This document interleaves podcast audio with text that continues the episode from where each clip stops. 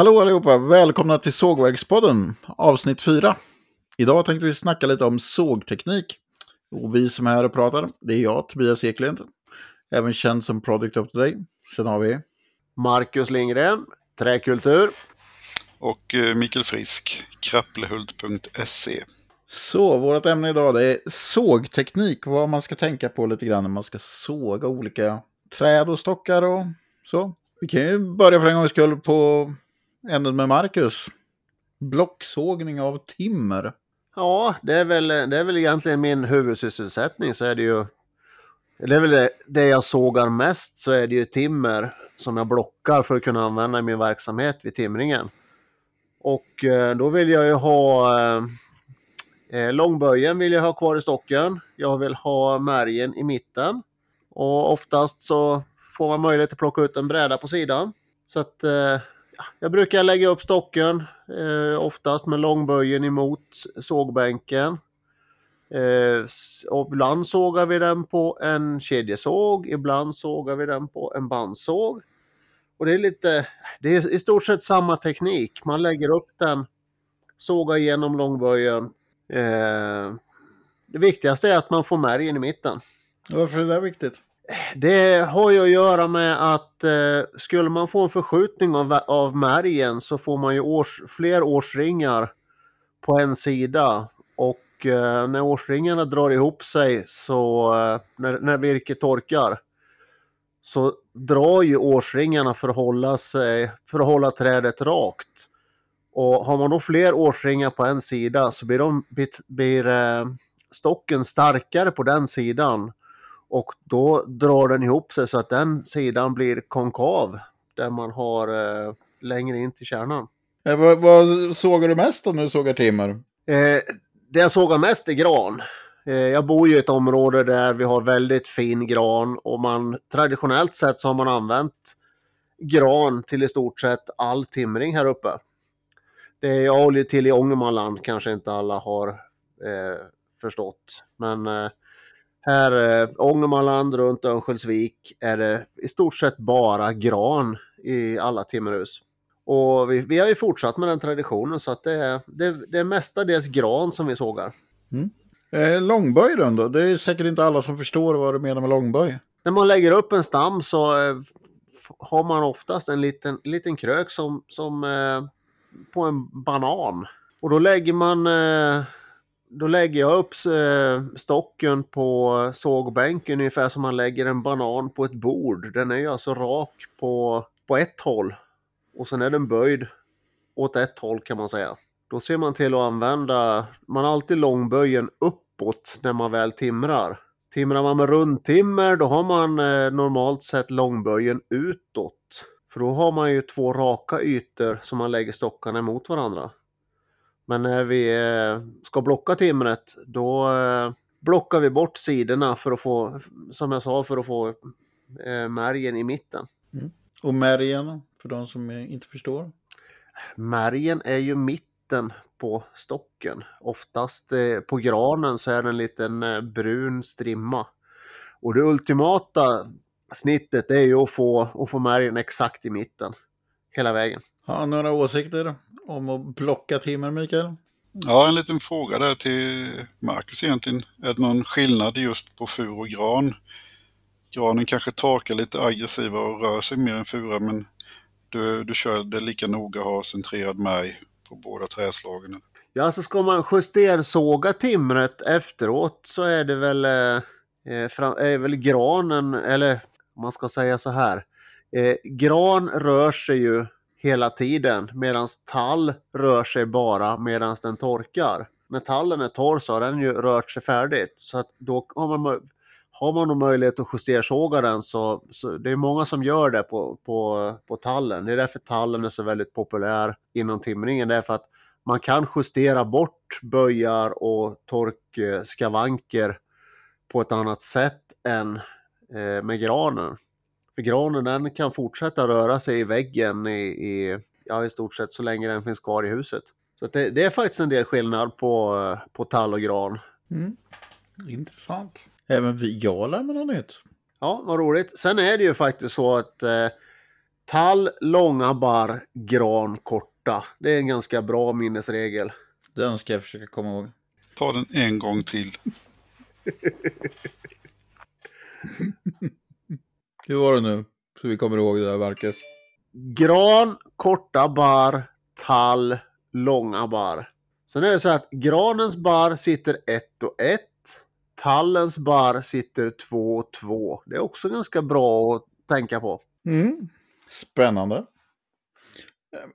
Om du får tjur i en stock då, hur hanterar du det när du timrar då? Eh, oftast så ligger ju tjuren, eller i stort sett alltid, så ligger ju tjuren i långböjen. Så att jag har ju kvar både tjurveden och eh, själva spänningen åt det hållet i stocken. Mm. Så att den behöver jag inte hantera egentligen. Och för er som inte vet vad tjur är när vi säger så är det att den, eh, kärnan är egentligen förskjuten i, från centrum av stocken. Har antagligen stått och vuxit i en lutning eller en åkerkant med mycket blåst eller någonting annat som gjort att träet har för, fått förstärka upp sig själv på ena sidan med tajtare årsringar för att bli starkare. Har ni något annat namn för tjur? För tjur är det som jag är uppvuxen med att höra, men det måste finnas tusen andra uttryck för samma sak. Det gör det säkert. Då får man nog gå tillbaka och fråga lite. Men det är ju mätningsbestämmelserna så är det ju tjur. Det står ju aldrig något annat. Mm. Vresved om man kört. Eh, mar kan man säga i Småland också. När det är krokvuxet och besvärligt. Det är väl därifrån martallar kommer kanske. Jag vet inte. Ja, ska vi lämna blocksågningens underbara värld och gå över och såga våra kära panelbrädor då? Hur sågar vi dem? Har du någon syn Mikael? Ja, utgångsläget är detsamma. Att man, det är svårt att ställa en banan på bordet med böjen neråt eller uppåt. Så stocken får ligga på sidan liksom och ligga stadigt på kröken. Det är utgångsläget. Sen eh, försöker man såga bort spänningen så mycket det går i själva stocken. Man ser om det är en centrerad kärna eller inte, alltså märgen är centrerad. Och har man ett block där man har en ocentrerad kärna så tar man bort kanterna och sen sågar man en bräda på ena sidan, sen kultar man blocket och tar nästa bräda på andra sidan. Så man kommer närmare och närmare kärnan för att få så lite spänningar inbyggda som möjligt i blocket till sista plankan som gärna kan antingen hänga då över bankarna på sågen eller försöka ställa sig fjädra uppåt då så man håller måtten så mycket som möjligt. Jag får erkänna att jag faktiskt inte vänder den lika ofta. Jag som inte har hydraulisk såg då. Så blir det väl att man sågar den tre brädor och sen vänder. Viktigt är ju i alla fall att vända på den så man inte envis och försöker köra allt från samma håll i alla fall. Nej, Det är ju alltid lättare att spika fast en bräda som buktar ut från väggen än att försöka tvinga ihop den med en bräda som sitter bredvid som den buktar ifrån. När du sågar golv då Mikael? Ja, då vill man ju ha så lite spänning i sidled som möjligt på den färdiga brädan. Så där kan ju till och med ställa upp stocken med båghöjden uppåt ibland och ta små bläck, alltså ett tunnare snitt och, och riva av lite svall eller ytbräda på bägge sidor uppe på böjen för att ta bort lite av spänningen innan man lägger ner den och kör första riktiga snittet då. Men där vill man inte ha något som kröker sig i sidled. Nej, det är, det är jobbigt att hyvla. Ja, krokigt in, Och sen krokigt ut. jobbigt att lägga, lägga in golvet också. Istället för kilsågat så är det banansågat. Ja. Banansågen. kan, kan vara en trend också. En stor glipa i mitten på varannan bräda. Jag får lägga alla som bananer. Det är ju faktiskt lite coolt de här CNC-maskinerna som finns som läser av konturerna på, på brädorna och sen eh, fräser den ut konturen på nästa bräda på golven. Mm. Det, det, det är lite high tech men det är ganska häftigt när man har sett eh, de filmer och bilder på där de gör golv på det viset. Ja, det är ju ett pussel. Det är väldigt effektfullt. Det blir som ett pussel. Det blir väldigt jobbigt om man råkar kapa en bit fel. Ja, då är det kört. Nej, men om vi sätter en vanlig stock då och ska såga panelbrädor. Själv så sågar jag, precis som du säger med långböjen, att man lägger ner bananen. Och så sågar jag ju bort baken och sen en sidobräda ofta så vänder jag ju 180 grader, sågar en baker, sidobräda, ställer blocket upp, sågar ungefär när jag börjar bli dags att justerade stockstödet på sidan, då vänder jag den 180 grader och så sågar jag från andra sidan. Och det har ju lite med att jag inte har hydraulik så då orkar man inte vända för många gånger. Men jag sågar ju aldrig igenom hela blocket utan att vända på det.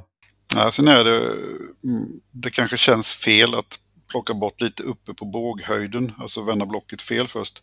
Men det mesta av spänningarna och dragningarna, det sitter ju oftast i ytvid, eh, rätt nära ytan i alla fall. Så man lugnar ner stocken innan vidare bearbetning om man gör de där, det där extra snittet uppe på ryggen om man säger på stocken innan man lägger ner den. Men sen är det väl också så att, att tjurveden sitter egentligen på eh, olika sidor om det är barr eller löv man sågar.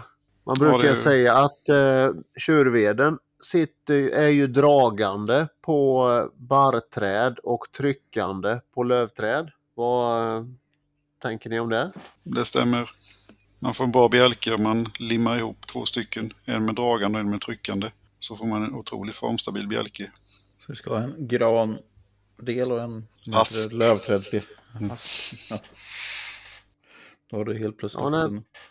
Det, det finns ju exempel på det där, där man har gjort eh, förr i tiden eh, pilbågar av eh, tjurved på tall och eh, så använder man sig av björk för eh, kompressionsskenan som på, på baksidan av pilbågen som klarade trycket. Så att det, det finns ju exempel på att man har nyttjat de här egenskaperna som, som eh, tjurveden har.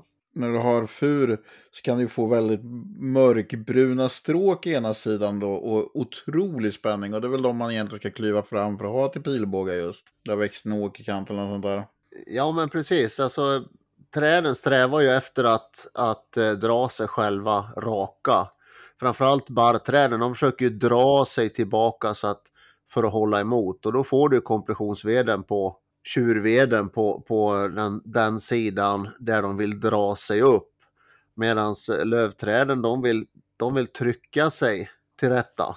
Så då får, du kom, då får du den här tjurveden på den sidan. Och det kan du ju nyttja när du ska såga bjälkar eller eh, bärlinor eller någonting som ska ha en extra bärighet.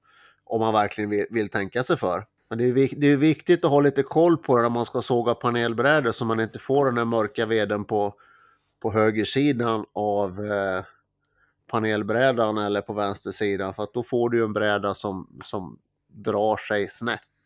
En sån får du aldrig rak i väggen utan att den spricker. Nej. Ja, det, det är ju lättare att man liksom spikar upp en banan liksom och tvinga in över och underänden och att den är liksom ser ut som ett C på väggen. Det är ju nästan omöjligt att göra någonting med. Ja, men precis. Det är, det är därför man vill plocka, alltså man vill lägga upp sågen ungefär som du lägger en banan, eller lägga upp stocken på sågen som du lägger en banan på ett bord. Och det är samma sak med eh, alla de här sågarna vi har, eller inte alla. Det är ju, skillnaden är ju en cirkelsåg. Där sågar du på ett annat sätt. Eh, men kedjesåg och bandsåg som, som vi, eh, vi tre sågar mest på, då sågar man ju stocken liggande på sidan. På samma sätt som man lägger en banan på ett bord så ligger den ju platt på sidan. Det var helsike vad svårt att prata om uh, sågteknik på ett, aud eller ja, på ett ljudsätt mer än att ha visuellt när man kan visa och peka. Det var väldigt svårt Mm. att förklara i ord bara. Mm, det är en utmaning. Ja, ja, intressant utmaning. Såga snickerivirke och kvistar och sånt där. För att, hur gör ni för att minimera, eller minimera eller maximera kvist egentligen? För det är ju väldigt stor skillnad hur man sågar en kvist om den blir en framträdande kompression i en möbelvirke eller om man vill såga bort det här. Det kanske blir alldeles för svårt att förklara förresten. Ja, jag vet inte. Men eh, man, man gör ju ett val. Har man en rakväxt stock som inte är någon tjur eller något konstigt i så då väljer jag ju alltid att ha en sida. Det är alltid en sida, oftast sydsidan då, som har mer kvist på ett träd. Då, då väljer jag att lägga bort den sidan så jag har plankan för sig med kvistar i. Och de andra kan bli bättre. Då får man lite fjäderkvist eller mindre kvist i dem. Jag såg ju ofta så att jag får eh, kompressionerna synliga i brädan om jag sågar möbelvirke. För jag tycker det är väldigt snyggt med de här eh, kompressionerna mellan två stora grenar. Så jag lägger ju oftast kvisten ner på sidan och så, genomsågar kvisten. Just för att få det här mönstret. Ja, just det. Alltså, det, jag sågar ju så lite lövträd i och med att, vi, vi har, jag, i och med att det mesta jag sågar är ju till min verksamhet. Eh, och då är det ju timmer och lite brädor och plank. Och när jag sågar något annat, då blir det oftast vad det blir faktiskt. Så att bara det är en nog... helt annan fr fråga bara till dig, Marcus. Är det någon som timrar i någonting annat än barr? I, alltså i andra länder och så här. Timrar man till exempel i asp eller något sånt där eller? Alltså asp har ju förekommit lite grann faktiskt. Eh, men det man vill ha när man timrar det är ju det är ju släta stammar med liten avsmalning och så liten långböj som möjligt. Och det, redan med de kriterierna så försvinner ju de flesta lövträden direkt för att det är så svårt att ha, hitta de stammarna. Och sen är ju oftast har du en större växtvridenhet i lövträden också. En ojämnare växtvridenhet i bestånden upplever jag. Vad, vad säger du Mikael? Du, du sågar ju mycket, mycket löv. Alltså, jag upplever att det är jättesvårt att se innan vad som är växtvridet och inte.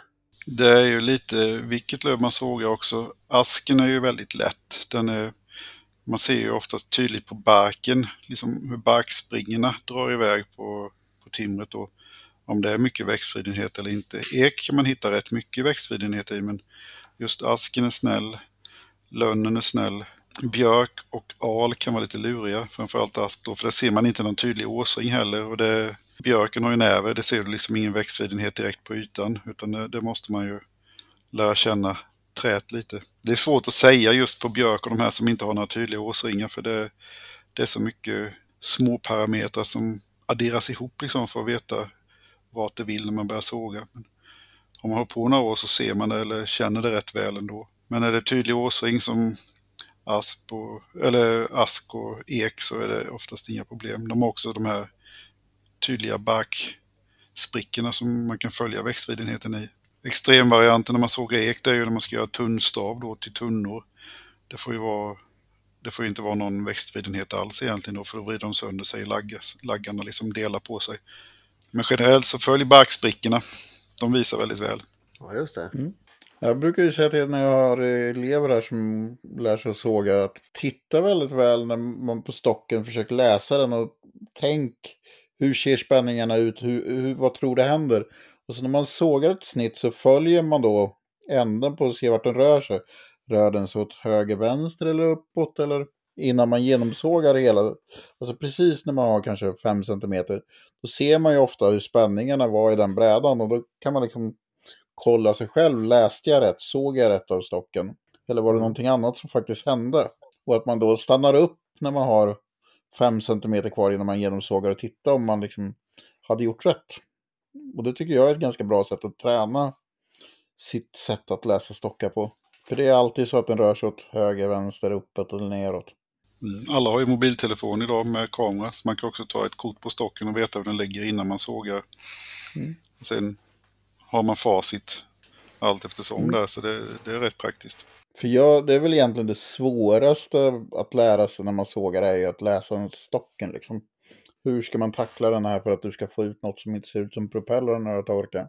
Man kan ju ta en väldigt tunn ytbräda också, eller när man tar bort ytan på den, baken där, så ser man ju ganska omgående om det blir twist i den eller om den drar åt något. Så man behöver liksom inte slösa virke utan det kommer oftast i ytveden direkt. Om man gör ett tunt snitt så ser man vart den vill och så ser man okej, okay, jag la den där åt fel håll. Vi gör om och gör rätt istället. Ja, det kan vara ett bra tips innan man har lärt sig såga alltså lä eller läsa stockarna ordentligt. Att, att ta, ta ett tunt snitt och se vad händer, åt vilket håll drar det sig. Och sen är det olika beroende mm. på vad man ska göra för någonting och kanske lite olika på, på träslag också. Att vissa rör sig bara medan det torkar och då kanske det inte spelar så stor roll om man sen ska skicka det genom ett kantverk eller kanta upp virket eller vad, beroende på vad man ska göra för någonting. Mm, absolut. Är det någon, sågar Mikael, du mycket slabs, alltså bara genomsågat eller sågar du till 100% kantat? Nej, det blir slabs också eller okant där, men det är inte, inte jättestor mängd som blir det. Det är riktigt fin fura kan man göra då för snickerivirke för att få maximalt utbyte då sen så att man kan få ut med stående ås in till snickerierna och så. Sen blir det en hel del i ask som går till möbelsnickeri, både min egna produktion och till andras också. Just eken är inte så vanligt men ask, lönn, alm och riktigt fin fura det, det blir ofta okant, vanlig genomsågning då. Jag genomsågar otroligt mycket av det jag sågar. Men det är också lite hur vänder du Tobias när du gör mycket genomsågning? Ja, Sågar du, sågar du dem någon gång så att säga fel när du gör genomsågning eller lägger du dem med bågen likadant? jag tittar ju mycket på mer på kvistar, alltså hur, hur stora grenar och vad finns det för grenkompressioner mycket när jag sågar slabs. Visst försöker man ju då ha långböj om det finns någon att du får den likadant. Men jag är ute efter mer tror jag att få så snygga bitar som möjligt, visuellt vackert i och med att det är oftast bord och sånt där som man gör av det. Sen vill man ju ha så stabilt ändå, men ofta går det visuella före böjen och sen sågar man lite extra. Ser man att det här är böjen är åt fel håll, då sågar man lite grövre och sen hoppas man på att det inte rör sig för mycket efter att ha torkat så man kan hyvla bort lite för att få det snyggaste ur det. Som på asken kör jag ibland en kombination av genomsågning och kantning. Just för har du rotben på ask och så, så blir det väldigt mycket dragning just där vid torkningen då, så då, då blir det ju en rejäl ändspricka. Så där kan jag faktiskt kanta bort rotbenen för att lugna ner den lite till torkningen då. Mm. Och är de lite grövre med så brukar jag faktiskt ta och skruva fast ett strö i ändarna. Så jag sätter i dem med skruv helt enkelt och, och fixerar det med. Men hur får du att inte spräcka när änden krymper sen då? Ja, det har jag aldrig varit för att det gör faktiskt. Jag vet inte, det, det är att de vill utåt för det mesta. Och, och Mm. ett rått strö och en rå planka, det, det stämmer nog rätt väl i torkning. Jag tänkte det mest att det- ströt är ju längden, eller längdsårsringar på. Och den krymper ju inte alls lika mycket som du har på bredden. Nej. sett många som gör det. Mm. Och de måste göra det av en anledning att det funkar. Men liksom Ja. i, i min hjärna känns det så jädra fel. Att det borde spricka liksom. Att det håller isär roten mer än det hjälper till att hålla ihop den. Jag tror nästan du får den mesta sprickbildningen där för att du får en eh, ojämn torkning på längden. Särskilt i asken då som är rakfiber i övrigt. Sen har du rotben som står ut och då är det liksom lite, Mm. lite större längd på de fibrerna som jämfört med de raka som är längre in där som drar, Mm. som gör att det öppnar sig framförallt i rotänden då.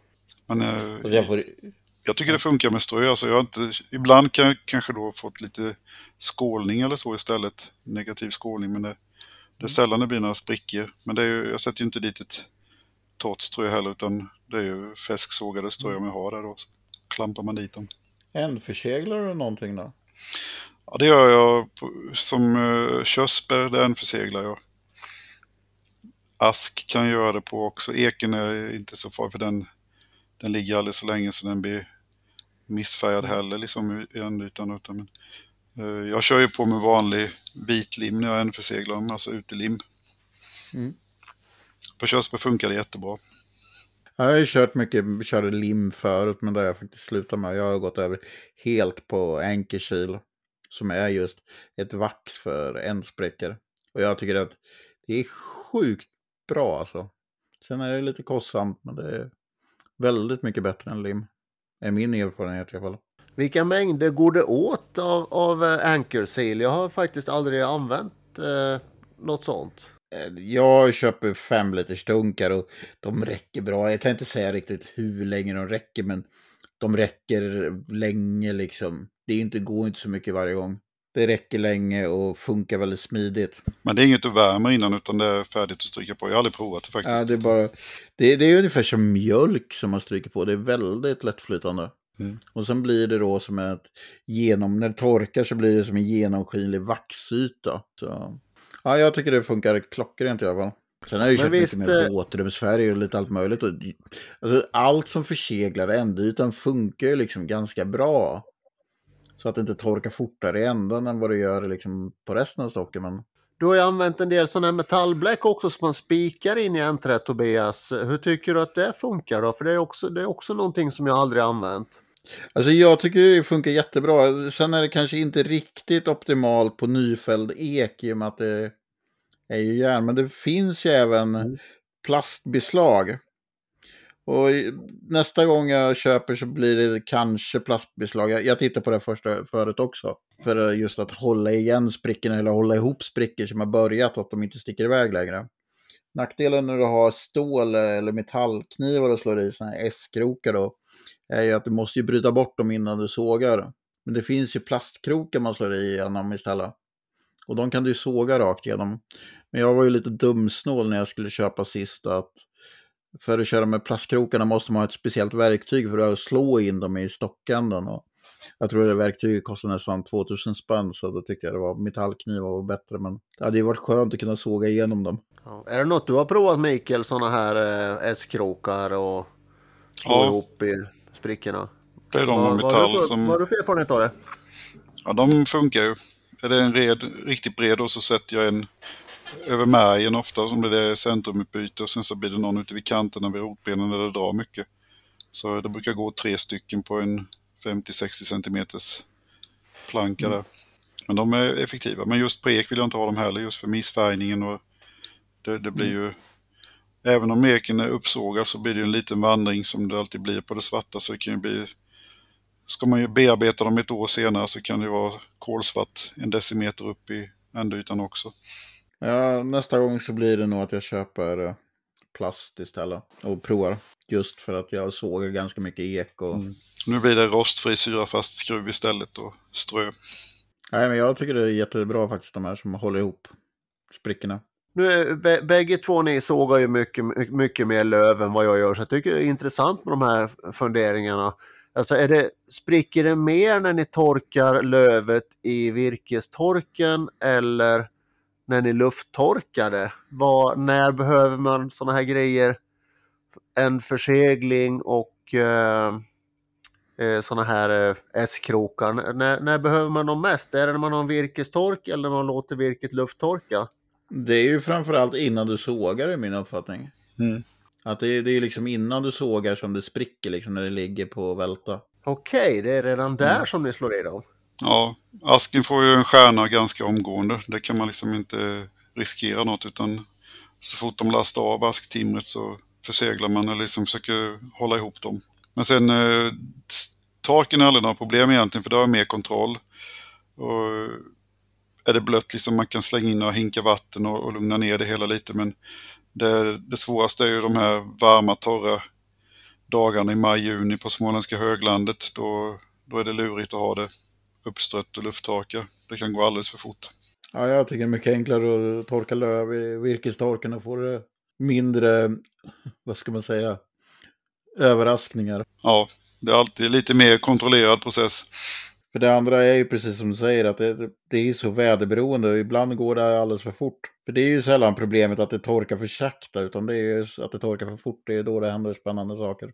Och det är värre ju grövre virket är tycker jag ofta. Sågar man 28 mm eller sånt där så är det lite mer, det håller ihop på ströna på ett annat vis. Men är det 50 mm tjockare då får man börja passa på det lite. Det ska Mm. ligga ute. Ja, ja, jag såg ju mycket två och tre tum. Mm.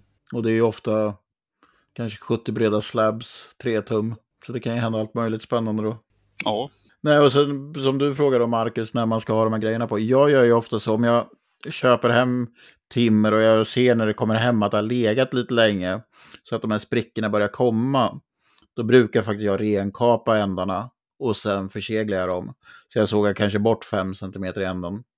För det är det, har sprickorna börjat och du förseglar, du kan ju aldrig liksom få in någon försegling i sprickan, så då, då drar det inåt i alla fall, är min erfarenhet. Så jag brukar försöka renkapa, så jag får bort alla små sprickor och sen förseglar. Och är det någon lite större kvar när jag har renkapat, då sätter jag S-krokar över dem. Ja, just det. Så ett bra tips det är ju egentligen att, att man har den här eh, ankersilen direkt när man eh, fäller träden då innan man kör hem det egentligen. Att ska man såga något, något lite finare virke av det så dra på den här förseglingen direkt innan man kör hem timret eller skadas det under transporten? Bästa är om du kan ha på det innan du fäller. Ja. Häller man in det i ett hål då i stubben eller hur? Ja, nej, men så snart som möjligt efter du har fällt det. Alltså, det gör ju ingenting om det ligger några dagar där, men är det varmt ute och ändarna börjar torka, liksom, då spricker det ju ganska snart. Det behöver inte gå Ja. jättelång tid. Ja, det blir ju ganska mycket spänningar, det är klart. Och har de väl börjat så är det ju liksom inte helt lätt att få stopp på dem. Det tråkiga är när man har en riktigt fin slabb och man tar och lägger ner den, lyfter av den från sågen och den slår i lite i underliggande eller något om man står med en perfekt märgklyvd planka. Mm. Den går i två delar, det går rätt igenom. Ja, det kan ju verkligen bara säga pang. Ja, Eller också sågar man och precis när man sågar igenom det sista så spänningarna släpper. Och säger pang så är den delar sig i två bitar. Mm. Jag sågade i... Det var igår, var jag iväg hos kund och såga. Och då såg jag en så här jättefin slab. Den var väl en 70 bred, några fina eh, grenkompressioner, två och en halv meter lång. Och så precis när bladet stack ut så hörde den bara, bara small till och så var den i två bitar. det är ju mycket större risk på genomsågning också. Ja, Kantat man är ju blir så snällt. förvånad. Man blir bara så förvånad liksom. Att det, för det kan ju verkligen bara smälla till. Och så far den isär en decimeter i änden.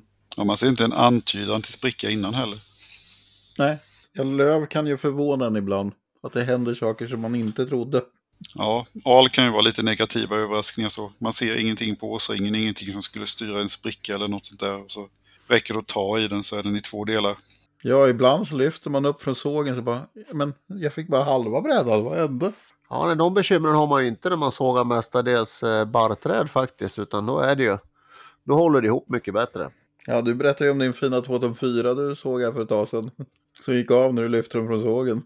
Ja, men det var ju kanske lite mer beroende på, på rötskador. Det blev en kund som kom med lite timmer och frågade om man kunde såga upp. Och då var det ju några grantimmer där, de var ju faktiskt 60 cm i topp och 4 meter lång. Så att det, de höll ju ihop bra tills man började såga dem, men det var, det var faktiskt en 4 tum 4, den var ju 10 gånger 10 centimeter. Den höll inte att bära. Så, så ruttet var det. Och det har varit för några kompressionsskador efter storm och sånt när du sågat barr.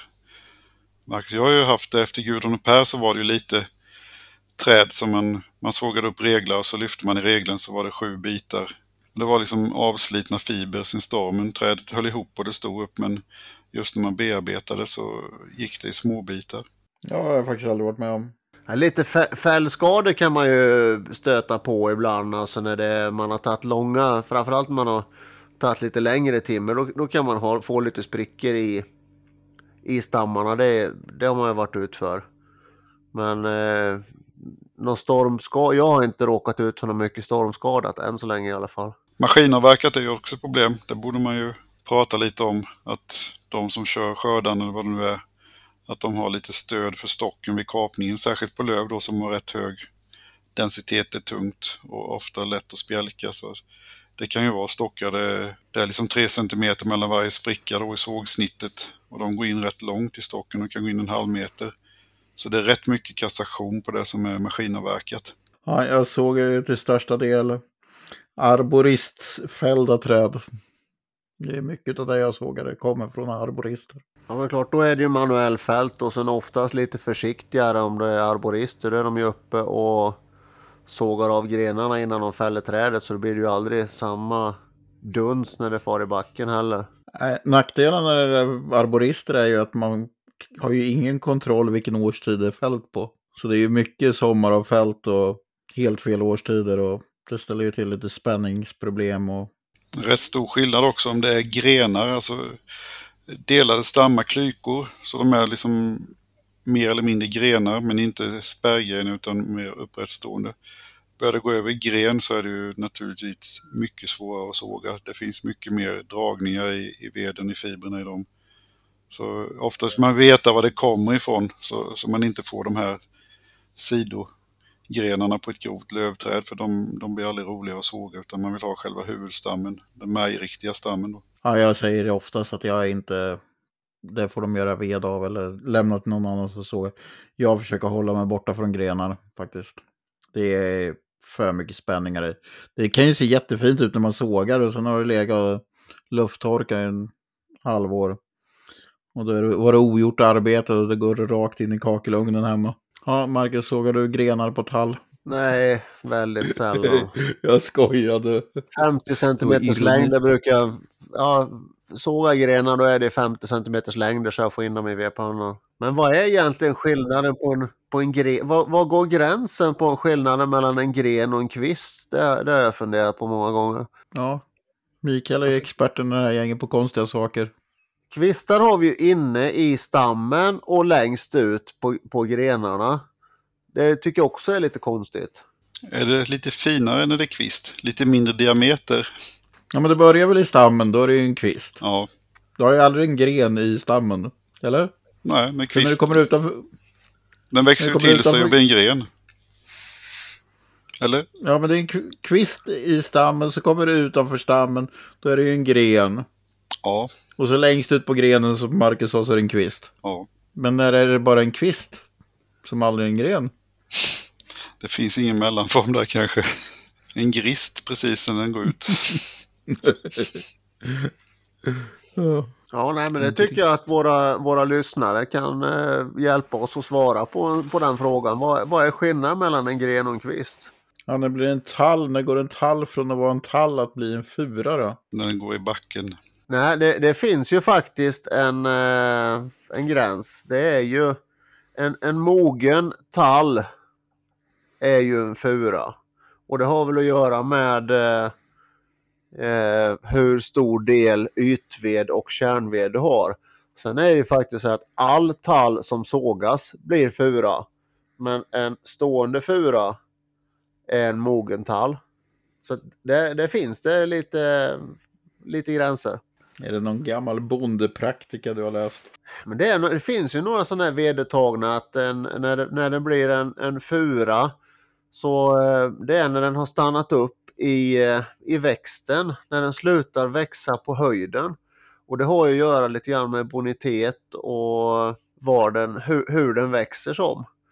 Men en, en, en tall som har slutat växa på längden och eh, då brukar den ju sätta grenarna i 90 graders vinkel mot stammen eh, mot eh, medan den växer så sätter den ju grenarna i en, en vinkel snett upp uppåt. Så där, där kan man ju faktiskt se på en, en tall om den har växt färdigt på längden. Det är när den börjar bilda en riktig krona och grenarna går i 90 graders vinkel ut från stammen. Det är lite kul. Men vad sa du där? Bonitet? Ja, det handlar ju Ja. om hur, eh, ja Mikael, hur förklarar du bonitet? Det har ju lite grann att göra med hur eh, Bördigheten. Egentligen. Bör, bördigheten på marken som lite grann bestämmer hur, hur hög, höga träden blir på marken. Ja, de blir i luften.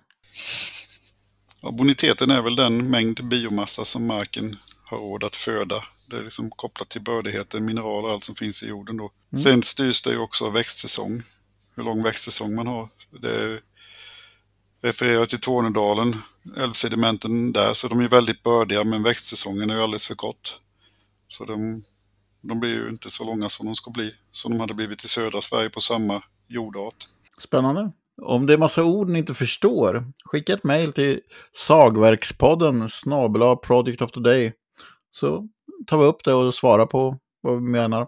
För vi kan nog bli lite tekniska, vi är lite insnöade på sågning alla, alla tre här. Så vi använder väl termer som vi ser som vanliga, vanligt ord, men kanske är udda och folk inte förstår. Jag försöker stoppa de här och få dem att förklara, men även jag använder ord som jag liksom tycker är vanliga, men kan vara svårförståeliga. Ett litet riktmärke, ni pratade ju lite om långa och korta barr. Men eh, kvaliteten på kvisten på tall och gran, det lärde man sig alltid när man gick på sågverksskolan att gran sågar upp sig i kvalitet och tall sågar ner sig. Tallen är alltid finast ute på ytan oftast, det kan vara övervallat, det kan vara kvistfritt.